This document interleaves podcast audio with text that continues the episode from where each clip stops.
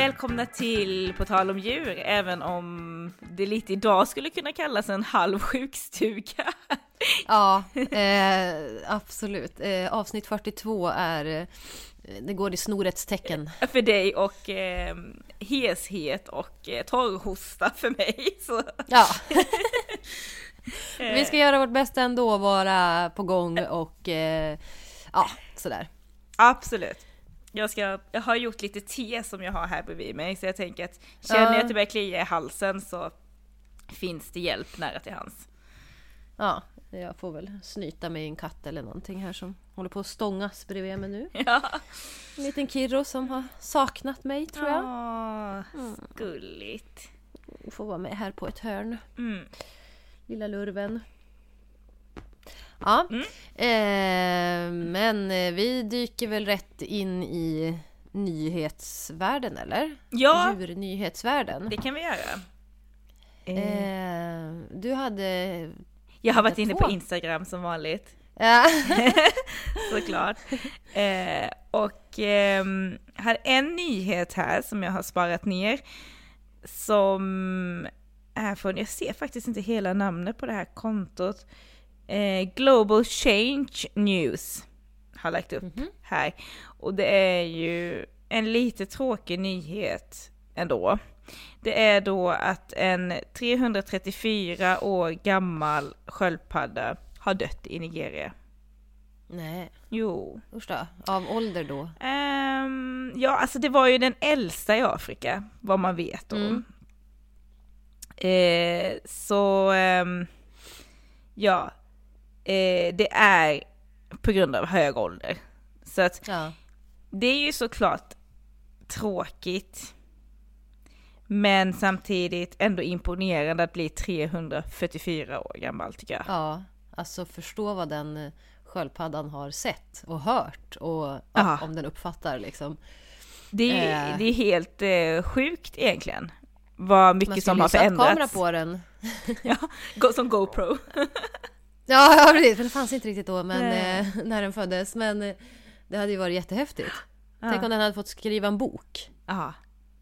Ja nej men det är ju Det är väldigt respektabelt. Ja, det, det är ändå häftigt alltså så. Och så Ja, är det en liten så bild på sköldpaddan. Stor, Mhm. rätt så stor sköldpadda. Vet inte om du ser. Ja, jag ser. Mm. Ja, herregud. Mm. Den Och då tänker jag att Leopold som jag hängde med för några avsnitt sedan, han var ju Mm.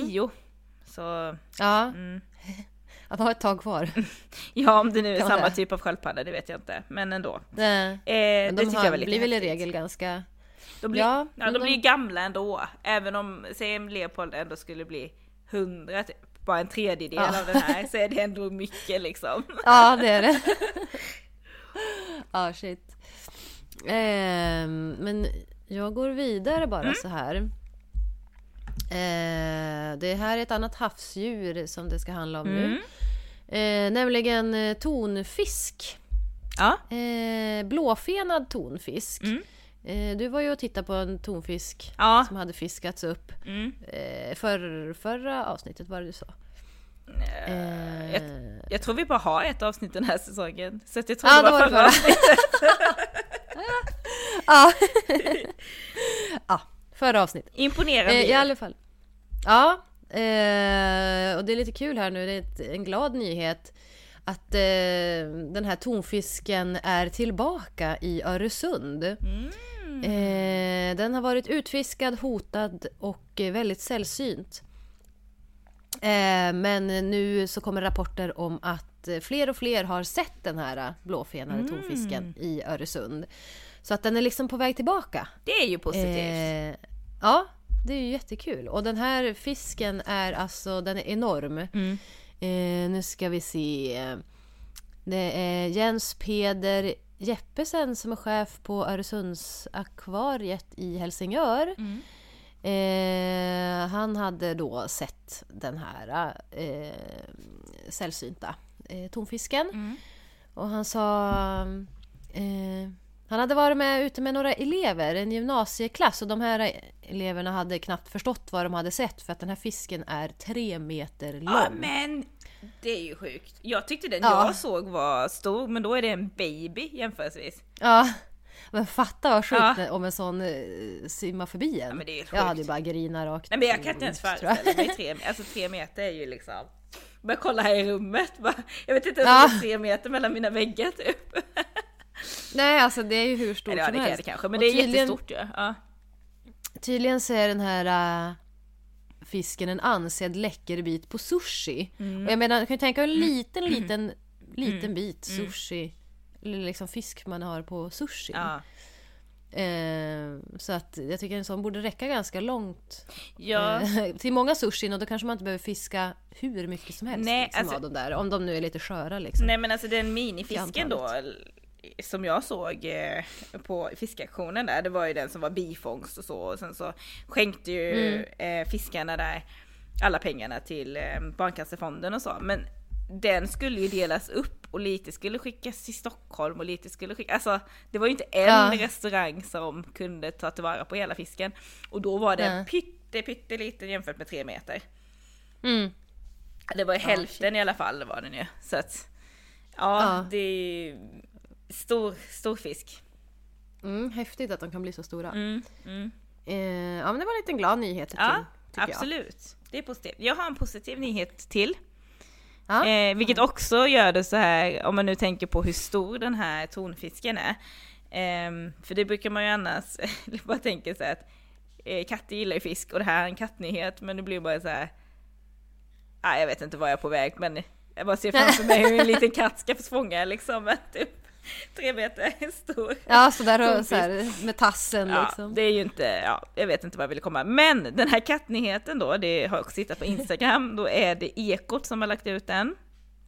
Eh, för ett tag sedan. Och det handlar om skärpta krav eh, ska höja katternas status. Och vi har ju pratat lite Mm. om det i, på tal om ljus historia egentligen. Mm. Eh, lite om, eh, ja men dels när vi har varit ute och träffat, eh, varit på katthem och sådär. Men det som det här gäller då, så ehm, det gäller skärpta krav på obligatorisk märkning och registrering, men också ehm, ett tydligare ansvar för kattägare. Eh, och eh, då för att få fler nöjda katter. Mm. Eh, då ska vi se, det står en färsk utredning pekar ut ett antal åtgärder för att utföra, utöka skyddet för katter. Bara den som verkligen har resurser att ta hand om sin katt ska få ha en. Eh, och då, då kräver man ju då att den är märkt och registrerad hos Jordbruksverket ska katten vara. Eh, så att, i och med detta så hoppas man då att statusen för katten ska höjas helt enkelt. Och det här är väl bara några exempel, det verkar ju finnas eh, andra krav också i det här. Men eh, Mm. ja, det är på Instagram så det är inte så utförligt. Nej, får inte skriva hur mycket som helst där. Nej det gör inte det. Men det är väl bra. Eh, ja, det tycker jag låter jättebra. Mm. Eh, jag tycker katter ska ha högst eller mest status av alla tänkte jag säga. Inte för att man ska så här likställa eller... Ja men precis, Mm. mitt lilla... Ja. Nej men sen är det väl så, men det Gubbar. finns ju många fina djur men eh, eh, djur har ju olika högt i status. Så är det ju Mm, jo så är det. ändå. Eh, ja, man men jag tänker ska man man ha det som husdjur Mm. Djur som man har, ska ha som husdjur får man ju fasen i mig se till att ta hand om. Ja men är det absolut. Det, tycker jag med. Och det... Alltså får, får, eh, bli lite fin övergång här för jag har ju varit ute och hälsat på. Um, varit på lite utflykt. Mm, på ett ställe där man kan ta hand om sitt Ja djur men lite precis, extra. precis. Och eh, jag har varit hos en hundfrisör. Och Mm. pratat med henne. Och då Jättespännande. pratar ju hon också om att ehm, det är ju faktiskt att, man, ma- att du måste bada och liksom klippa din hund och så, eller vissa hundraser. För annars så blir det ju också vanvård. Eh, Mm. de, pälsen bara växer, det blir tovigt och så. Så att Mm. eh, det handlade ju också om eh, att djurägare måste ta hand om sitt djur på ett korrekt sätt. Mm.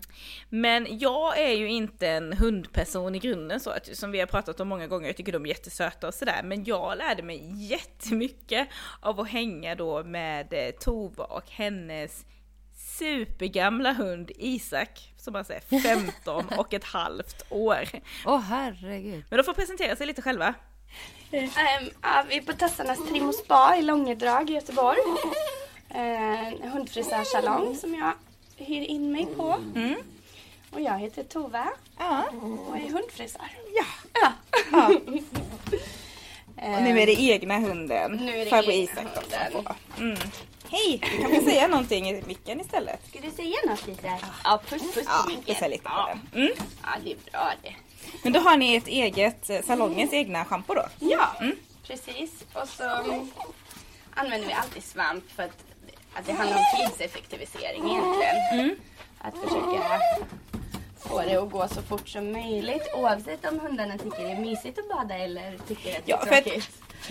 För Isak föredrar ju fönas då, det hör vi också. Men det finns de hundarna som tycker om det här också. Ja, gud ja. Alltså de allra flesta de allra flesta av våra kunder tycker att det är helt okej och sen finns det de som bara avgudar det. Ja. Vilket nästan är det lite- svåraste att jobba med. Ja, för de vill inte... De vill inte stå still, de bara, ja, men de, det är som, som en busig unge liksom. Som bara "Åh." ska hoppa omkring. Ja. Ehm, du ser det är också hans, eh, det är också det Isak Svans går liksom. Han är, det är mycket känslor mest snarare än oro eller Ja. så. Han är väldigt igång. Mm, mm, mm. Det, oh. Och han gillar att vara ren ändå kanske. Så. Och han vet ju på något sätt kanske att om jag inte gör detta blir blir jag inte fönad. Precis. och han, eh, han står ut. Ja. Det är så. Man får göra så här. Alla hundar som har päls som inte tappas måste badas och klippas. Mm. Vad är Isak för sort då? Han är en dvärgpudel. Mm. Eh, en stor dvärgpudel. han är väldigt biffig och bitig. Mm. eh, eller var, när han var ung. Eh, men pudlar och alla de här hundarna som är långhåriga liksom, Mm. de måste klippas för de har hår och inte päls. Så de har som vi, det slutar inte växa. Okej. Vilka är de vanligaste? Pudel säger det. Är det någon annan ras som är vanlig? Mm. och kanske de som kommer mest till vår salong tror jag nog är bichon havanäs. Som också är sådana små sällskapshundar med långt fluffigt hår. Mm. Mm. Det är det som är populärt. Mm. Ska jag få en handduk? Ja. Alla familjehundar som alltså ska vara så gulliga liksom. Mm. Eh, Men sen har vi en del eh, som kommer hit. Det är också pomeranians och lite spetsar och sånt som man också kan klippa väldigt gulligt fast man inte måste klippa dem. Så att även om man då har mer päls så är man välkommen hit då? Jajamensan. Vi har också spa-kunder som kommer. Mopsar och sånt som inte har något, knappt någon päls alls. Mm. Men eh, då arbetar vi istället med att få bort ull och sådär så att det Ja. inte fälls lika mycket hår hemma. Liksom. Mm. Vi kan Mm. göra ganska mycket här på ganska kort tid eh, Ja. i jämförelse med att stå hemma och borsta. Liksom. Mm. Med produkter och specialverktyg och tekniker också. Ja. Teknik att borsta hundar också. Man tänker inte att det ska vara så avancerat men det tar tid att bli duktig på. Ja. Mhm. Vad är det för station han är på nu då? Nu är han på fönstationen. Mm. Vi torkar så mycket som går med handduken innan. Försöker få dem så torra som möjligt för att förkorta fantiden. Mm. Dels för att spara elektricitet och för att nu tycker Isak om att bli fanad men de flesta hundar, det är en ganska stor mental utmaning att bli fanad för vi har blasters. De fanar väldigt, väldigt hårt. Alltså det är mycket luft som kommer. Mm. Så har vi hörs nu är Isak helt eh, döv numera. Jaha. Så honom behöver man inte tänka Det är på. Men. Mm. men där borta hänger våra hörselskydd till hundarna. Ja. Så vi använder alltid hörselskydd på Mm. kunderna då. Mm. Så att de eh, inte påverkas så mycket av ljudet för den låter. Mm. Så det är rutinen på alla kunderna. Men de flesta hundar, det är samma sak där. Alltså, som med badet. 95% tycker att det bara är så här, ja ja, då gör vi det här. Mm. Hundar är ju duktiga på att lära sig sånt där. Om man tänker som en jakthund Mm. eh, liksom, som kan lära sig att stå bredvid gevärsskott. Ja, liksom. Hundar kan ju lära sig jättemycket. Mhm. Det här är inget problem att lära dem heller. Nej. Vissa tycker att det är synd om dem när de ska behöva badas och fanas och sådär. Men det är det faktiskt inte. Nej. Nej. Ja, nu tänkte jag att jag skulle köra Ja, igång. Men då backar jag lite här för jag, jag får nog ändå stänga av Ja, den när, det. när den drar igång. Du ska också få... Ja, jag ska också ha hörselskydd. Tack. Och nu är vi ute i själva salongen då. Ja!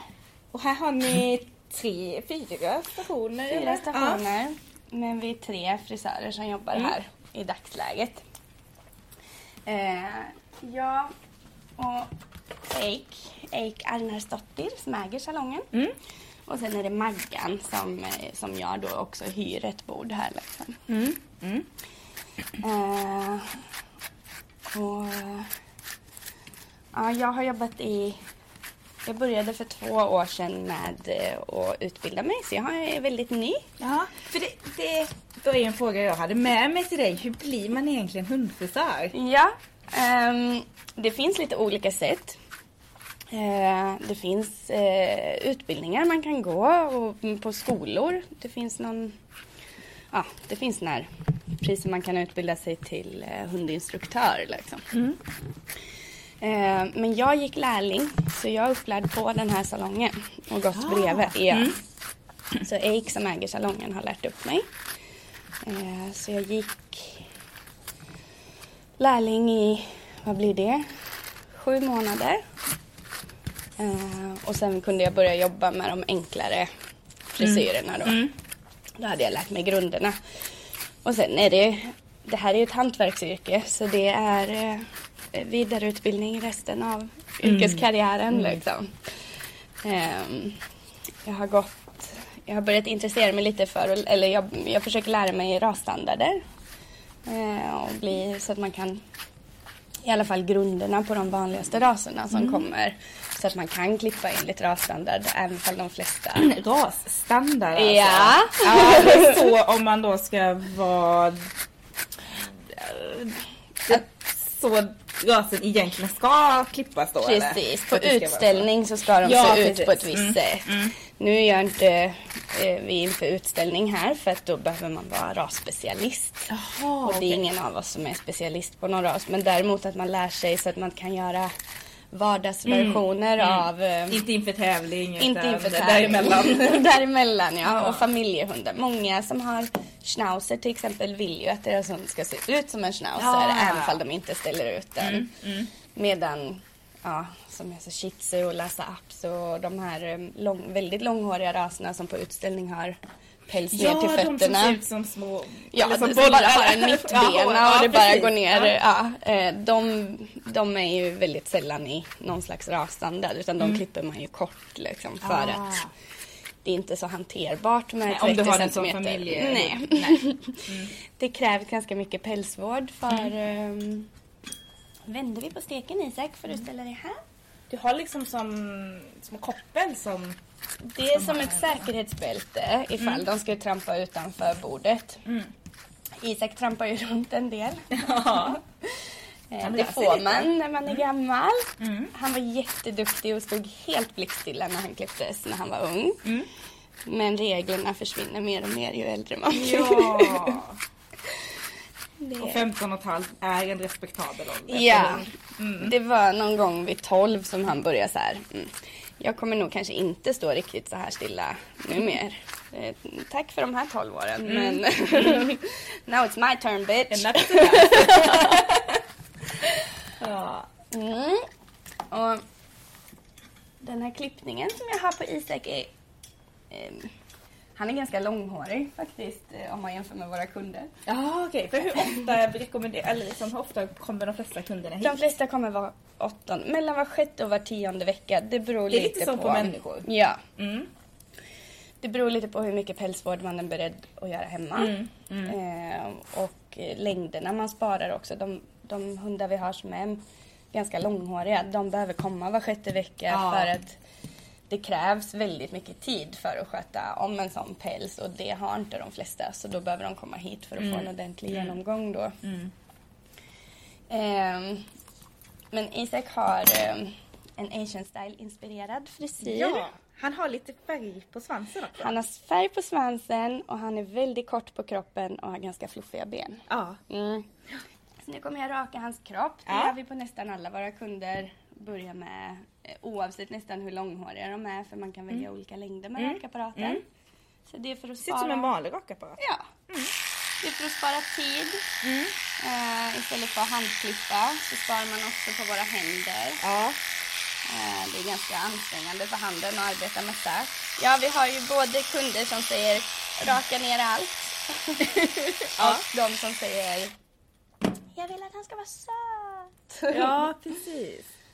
Ehm, det, Och om man då vill ha lite mer trendigt, då är det här en salong där ni ändå jobbar med att följa trenderna och så eller? Ja, vi försöker i alla fall. Vi tycker eh, alla tre här är väldigt eh, intresserade av eh, ja, framförallt Asian style. Det är det nya, alltså det senaste. Kan du förklara lite vad det är? Jag ser ju lite hur Isak ser ut här nu men ändå Ja. om du skulle sätta ord på det. Men det är att göra sin hund så att den ser ut som en leksak. Ja. Det är det. Eh, man färgar en del, man, ehm, men även eh, det mest grundläggande det är den här väldigt runda nosen på det runda ansiktet. De är väldigt fluffiga och ser ut som små nallebjörnar.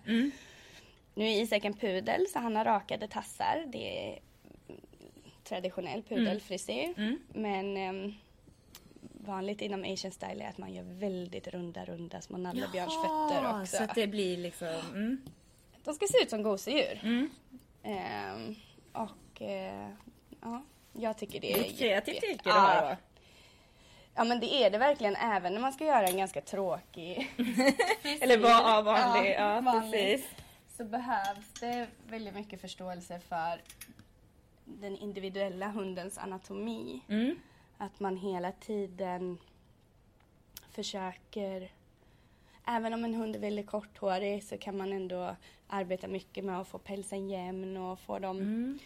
kompensera upp. Isak har väldigt lite lårmuskler kvar nu på ålderns höst så han har ganska mycket päls på låren för att fortsätta få den här unga looken på kroppen. Ja, ja, jag förstår. Ja. Alltså det ser man ju inte nu att han... Eh, Att Har små ben. Nej. det, fejkar vi. Han ska ha en sån Beyoncé-rumpa. det, är, det är vad vi föredrar i den här familjen. alltså, även om man inte då vill köra asian style och så, så finns det verkligen de hundraserna som verkligen behöver det för att må bra då. För att annars så växer och växer och växer Växer, håret. växer och om man då inte borstar så tovar sig pälsen. Och det är ganska smärtsamt. Det är många som inte förstår det. Att det är ganska smärtsamt att leva med tovor. Vi, vi har kunder som kan nästan skratta liksom och bara säga ja, haha, han är så tovig nu. Men det är som att ha på sig för små kläder hela tiden, dygnet Det runt. drar och stramar Det drar i huden och, och håller ihop. Det blir som en tvångströja liksom. Mm. Så att ehm, vi försöker utbilda våra kunder om Mm. att de måste komma innan det blir så. Det är, räknas som djurplågeri Mm. i Sverige. Så där. Då Ja, men nu ser man ju lite skillnad här. Ja. Ja, han har ju inte så mycket päls. Han är ju lite tunnhårig också när han har blivit gammal. Dåliga muskler och lite päls. pa- paralleller mot, mot människor tycker jag. Eh, Han hade tjock päls när han var ung men nu lyser huden igenom liksom. lite där ja. Det är... men det är sånt som händer när man blir gammal. Ja. Ska vi plocka fram lite saxar? Men du pratade innan också om att det, finns olika teknik då just för att även om du inte, om du är en hund då som har mer päls Mm. än hår, men Mm. att det är inte heller helt lätt med tekniken hur man borstar på ett Nej, bra sätt. alltså... En, en, en sak som är så det kan komma in kunder ibland och be om hjälp med borstningen för att hunden har fått en tova eller sådär och så säger de nej men det går inte, jag får inte borsta. Hunden blir arg på sin ägare då. Mm, gillar inte det. gillar inte det och då är det oftast för att ägaren använder en teknik så att det, inte, så att det faktiskt är lite smärtsamt för hunden. Ja. Liksom. Att borsta är aldrig roligt om det finns tovor, vare sig om man gör det bra eller inte. Men det Nej. finns bättre sätt att göra det på och så finns det sämre. Och det är inte för inte ni är utbildade. Nej, eh, det är det. Många är, Ofta får man frågan när man säger, vad gör, de frågar vad gör du? Och så säger jag, jag är hundfrisör. Okej, men vad jobbar du med? Ah, mm. För att folk förstår inte att det här är någonting som vi faktiskt har utbildat oss i. Jag, har, jag har lagt eh, på kort tid väldigt många timmar. Liksom.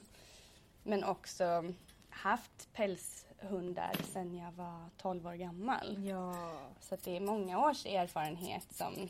Jag bara Isak är ju som du sa 15 och ett Ja. halvt och du har hållit på i två år. Så att, Ja. Ja. ja, och jag har klippt honom själv alltid. Han gick inte på salong innan vi Nej. började här. Det, mm, jag har alltid tyckt det varit så roligt. Mm. Roligt att klippa. Nu använder du två saxar. Ja, jag använder raksaxen. Pudelpälsen är den mest ta- tacksamma pälsen att klippa. Ehm, för, att, sätt? för att den ställer sig så bra rakt ut. Ja. Anledningen till att jag har en sån hård fan, förutom att det är bra att det tar kort tid för hunden och eftersom det här ändå är en, också en verksamhet så vill man gärna dra ner på tiden. Men Man vill att pälsen ska vara så rak som möjligt inför klippning. Ja. Alltid. Och pudlar har ju lockig päls. Mm.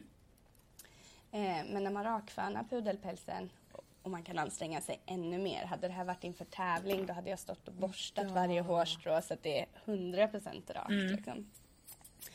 Eh, men när man får den pudelpälsen att vara rak så står den...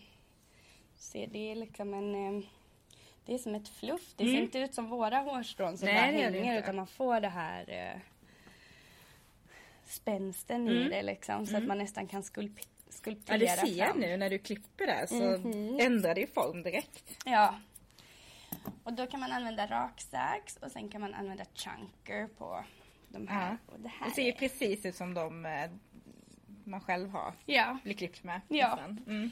det är, Det där är den taggiga saxen. ja, Mm. det är en chunker. Den, ehm, den, är lite lätt, den är lite mer tacksam eh, eftersom Isak rör så mycket på sig runt när man klipper honom.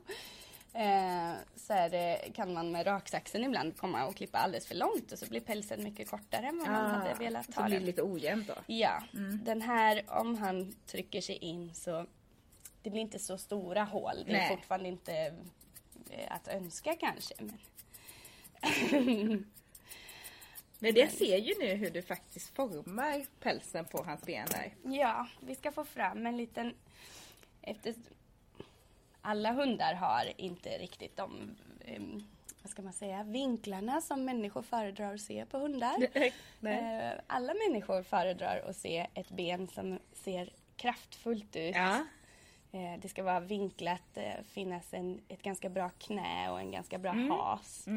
Ehm, Isak har helt raka ben. ja, det har han egentligen. Ja. Han eh, har varit en vild och galen liten hund som har slitit ut knäleder, Mm. hasleder, axelleder. Han har kastat sig ut och upp över berg och klippor så Mm. han har skadat sig orimligt mycket.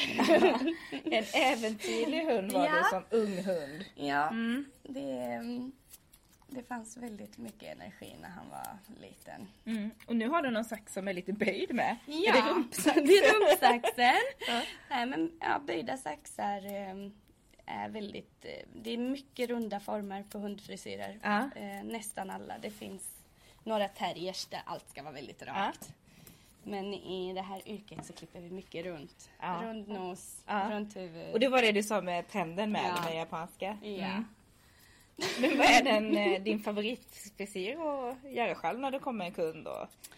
Det allra roligaste är när det kommer en kund som säger "Men Jag vet inte riktigt vad jag vill ha. Men kan du inte bara göra honom söt? Ah, då får kreativiteten flöda. Mm. Och grejen är att för många kommer med så bilder och det är väldigt bra. Jag Mm. föredrar när de har bilder än när de ska försöka förklara vad de vill ha för frisyr. Mm. Första gångs kunder och sådär. Men då kan de ta med en bild på en pudel kanske och så har de en hund med rak päls. Och Då blir det svårt. Jag kan inte... It's not magic, tyvärr. Mm. Ehm, så när de ber mig göra en fin frisyr, då ju, kan jag utgå från hur den här hunden ser ut. Och hur, Ja. Så då blir det alltid bättre än när de själva vill ha lite åsikter. ja, precis. Ja, men det är klart. Ehm, Isak, kan, kan du försöka stå lite stilla? Jag vet. Vi jobbar här aldrig med, ska man säga, alltså vi håller inte fast hundar och sånt. Nej.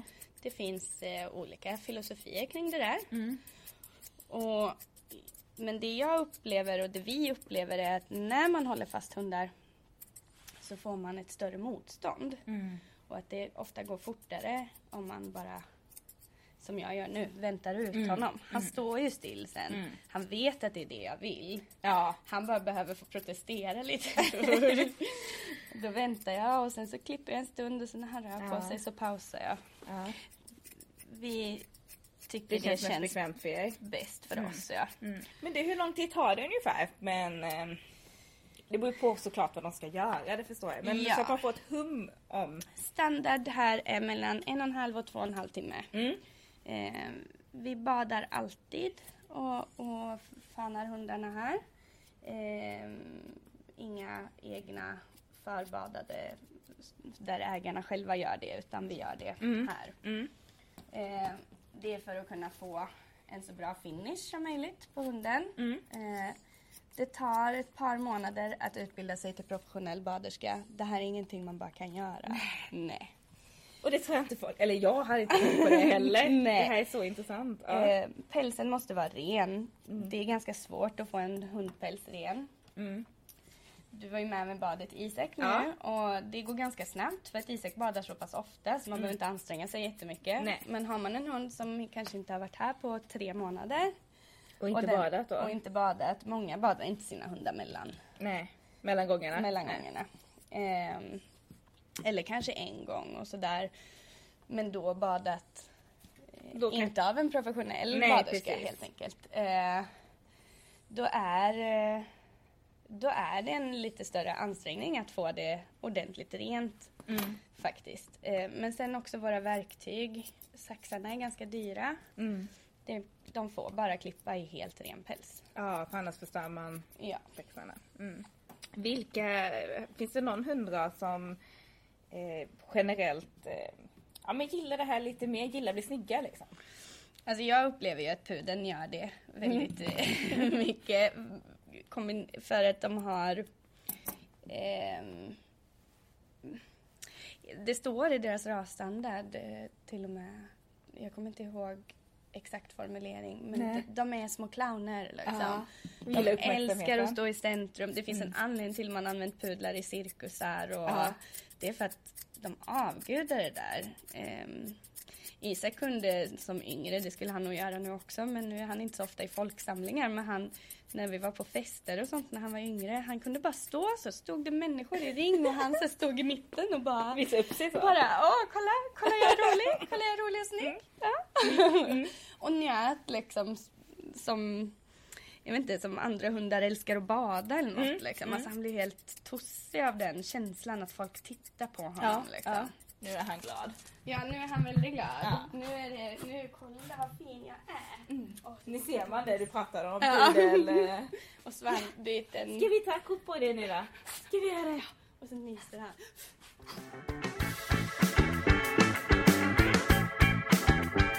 Ja men jag tycker ändå det låter ju vettigt. Att om vi går och klipper oss och tvättar håret och så, så behöver ju hundarna också göra det. Mm.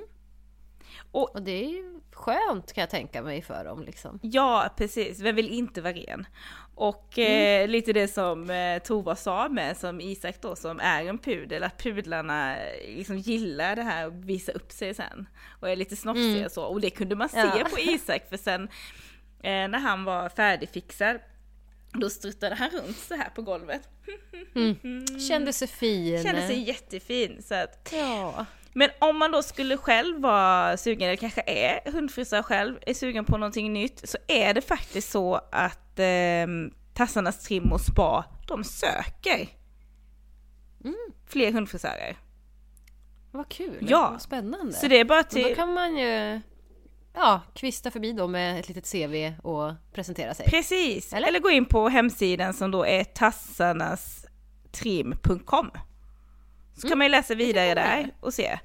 Eh, Ja. Och om man då inte är utbildad frisör, hundfrisör, så eh, kanske det här bevisar att det ändå är en framtidsbransch.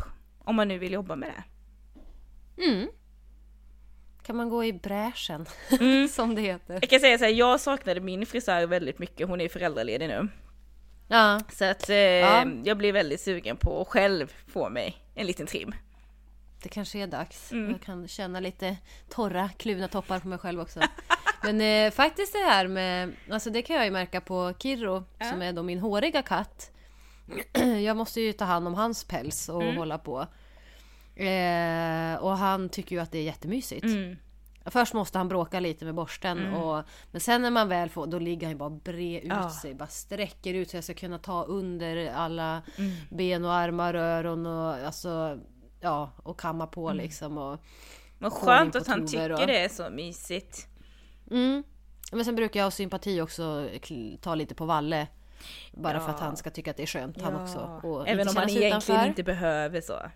Nej, han är så slät och Mm, fin och glansig så han sköter det så, så bra själv. Men man kan ju ändå få lite extra lyx sådär. Det, ja, det handlar väl lite om eh, kärlek och bli lite omhändertagen också.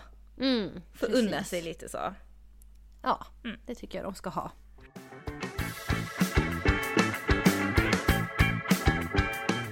Avsnittets djur. Avsnittets djur.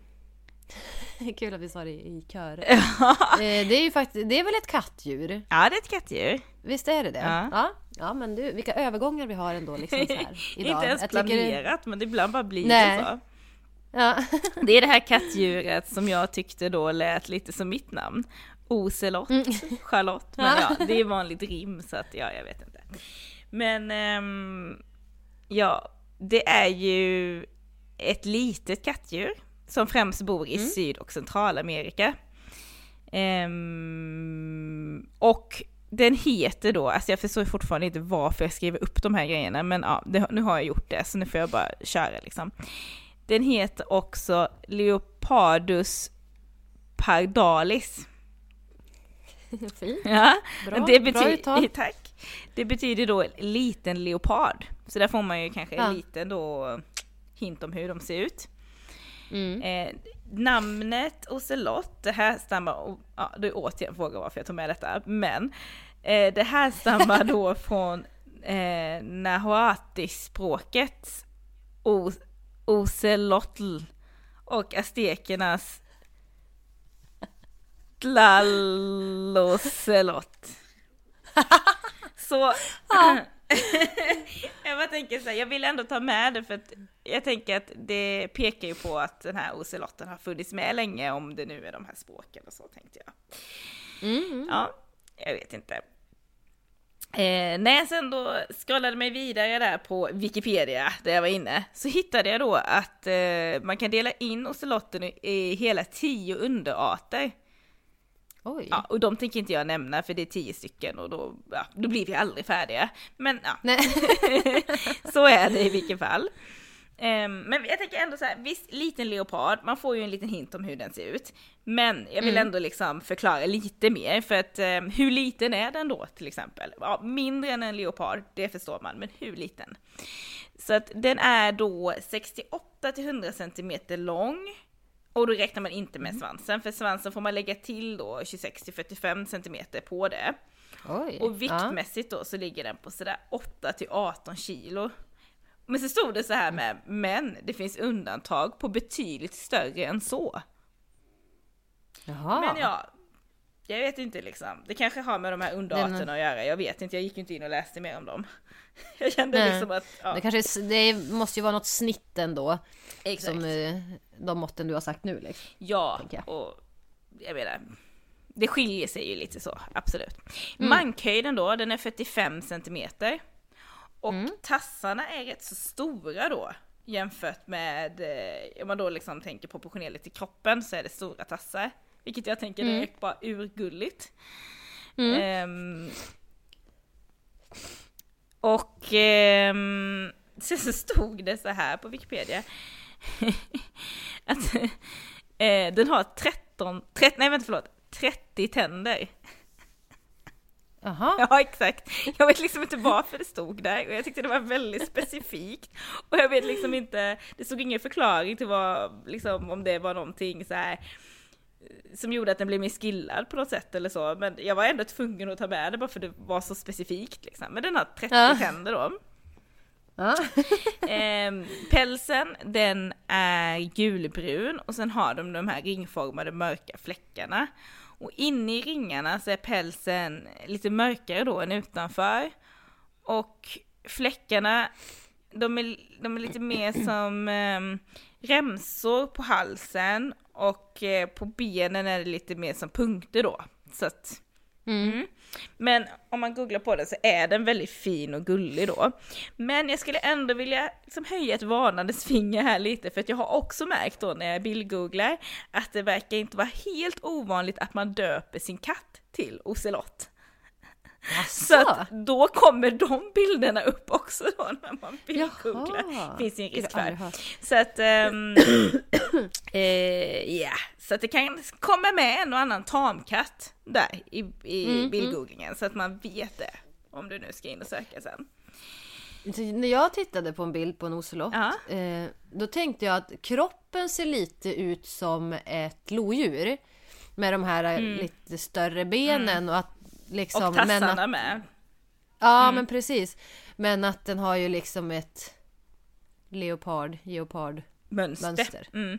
Ja, Nej men jag håller med dig, jag håller med dig och jag var inne på lite andra sidor än Wikipedia och då gjorde sen jämförelsen också med eh, mm. lokatten så att absolut. Mm -hmm. eh, Sen bor de ju då i helt olika terräng. Men det är perfekt här nu att vi kom in på det. Vilka övergångar ja. vi har idag Petra. Ja. Men istället då för att bo i, i eh, vår del av världen som lodjuret gör så eh, bor ocelotten i regnskogen. Eh, i, och på savanner då, men då ska det finnas högt gräs och sådär liksom. För den är bara ute på öppen terräng på natten. Mm -hmm. men, men, det verkar vara en, alltså, det finns också så här att det är en art som då den kan också bo i bergstrakter och då har man hittat den, de flesta bor på 1200 meter över havet men också så här 3000 meters höjd. Så liksom det verkar vara, mm. det verkar inte vara så vanligt så men det verkar som många andra kattdjur väldigt anpassningsbar så till olika eh, miljöer mm. och sådär. Men den lever ensam mest. Eh, och som många andra katter så är den aktiv när det är mörkt då. På dagen så gillar den att vila och då gärna i så större trähålor eller i högt gräs eller på en gren sådär. Eh, den, ja, men den jagar på natten och då mest på marken liksom. Den är mm. bra på att klättra, den är bra på att simma. Och mestadels äter den små gnagare, men också kräldjur, medelstora däggdjur, fisk och kräftdjur. Eh, och en multikatt ja, på vis. Ja, men absolut så. så mm, det är mycket så här rörmöss, landsråttor, pungrottor och bältdjur stod det som exempel. Mm. Och då tänker jag att rörmöss kanske också kan vara en, en lapp som vi kan dra. Ja. För det vet jag inte ja. mycket om. Nej, det, det har jag nog aldrig hört. Nej, nej. Ja. Men även om de blev ensamma så säger ju biologin att ska det bli fler katter eller då ocelotter då får de ju träffas då och då i alla fall. Mm. Mm. Och det gör de. Och det kan ske lite när som helst um, om året. Men i de tempererade områdena så föds ungarna under hösten och vintern. Och ocelotten är dräktig sådär två och en halv månad ungefär.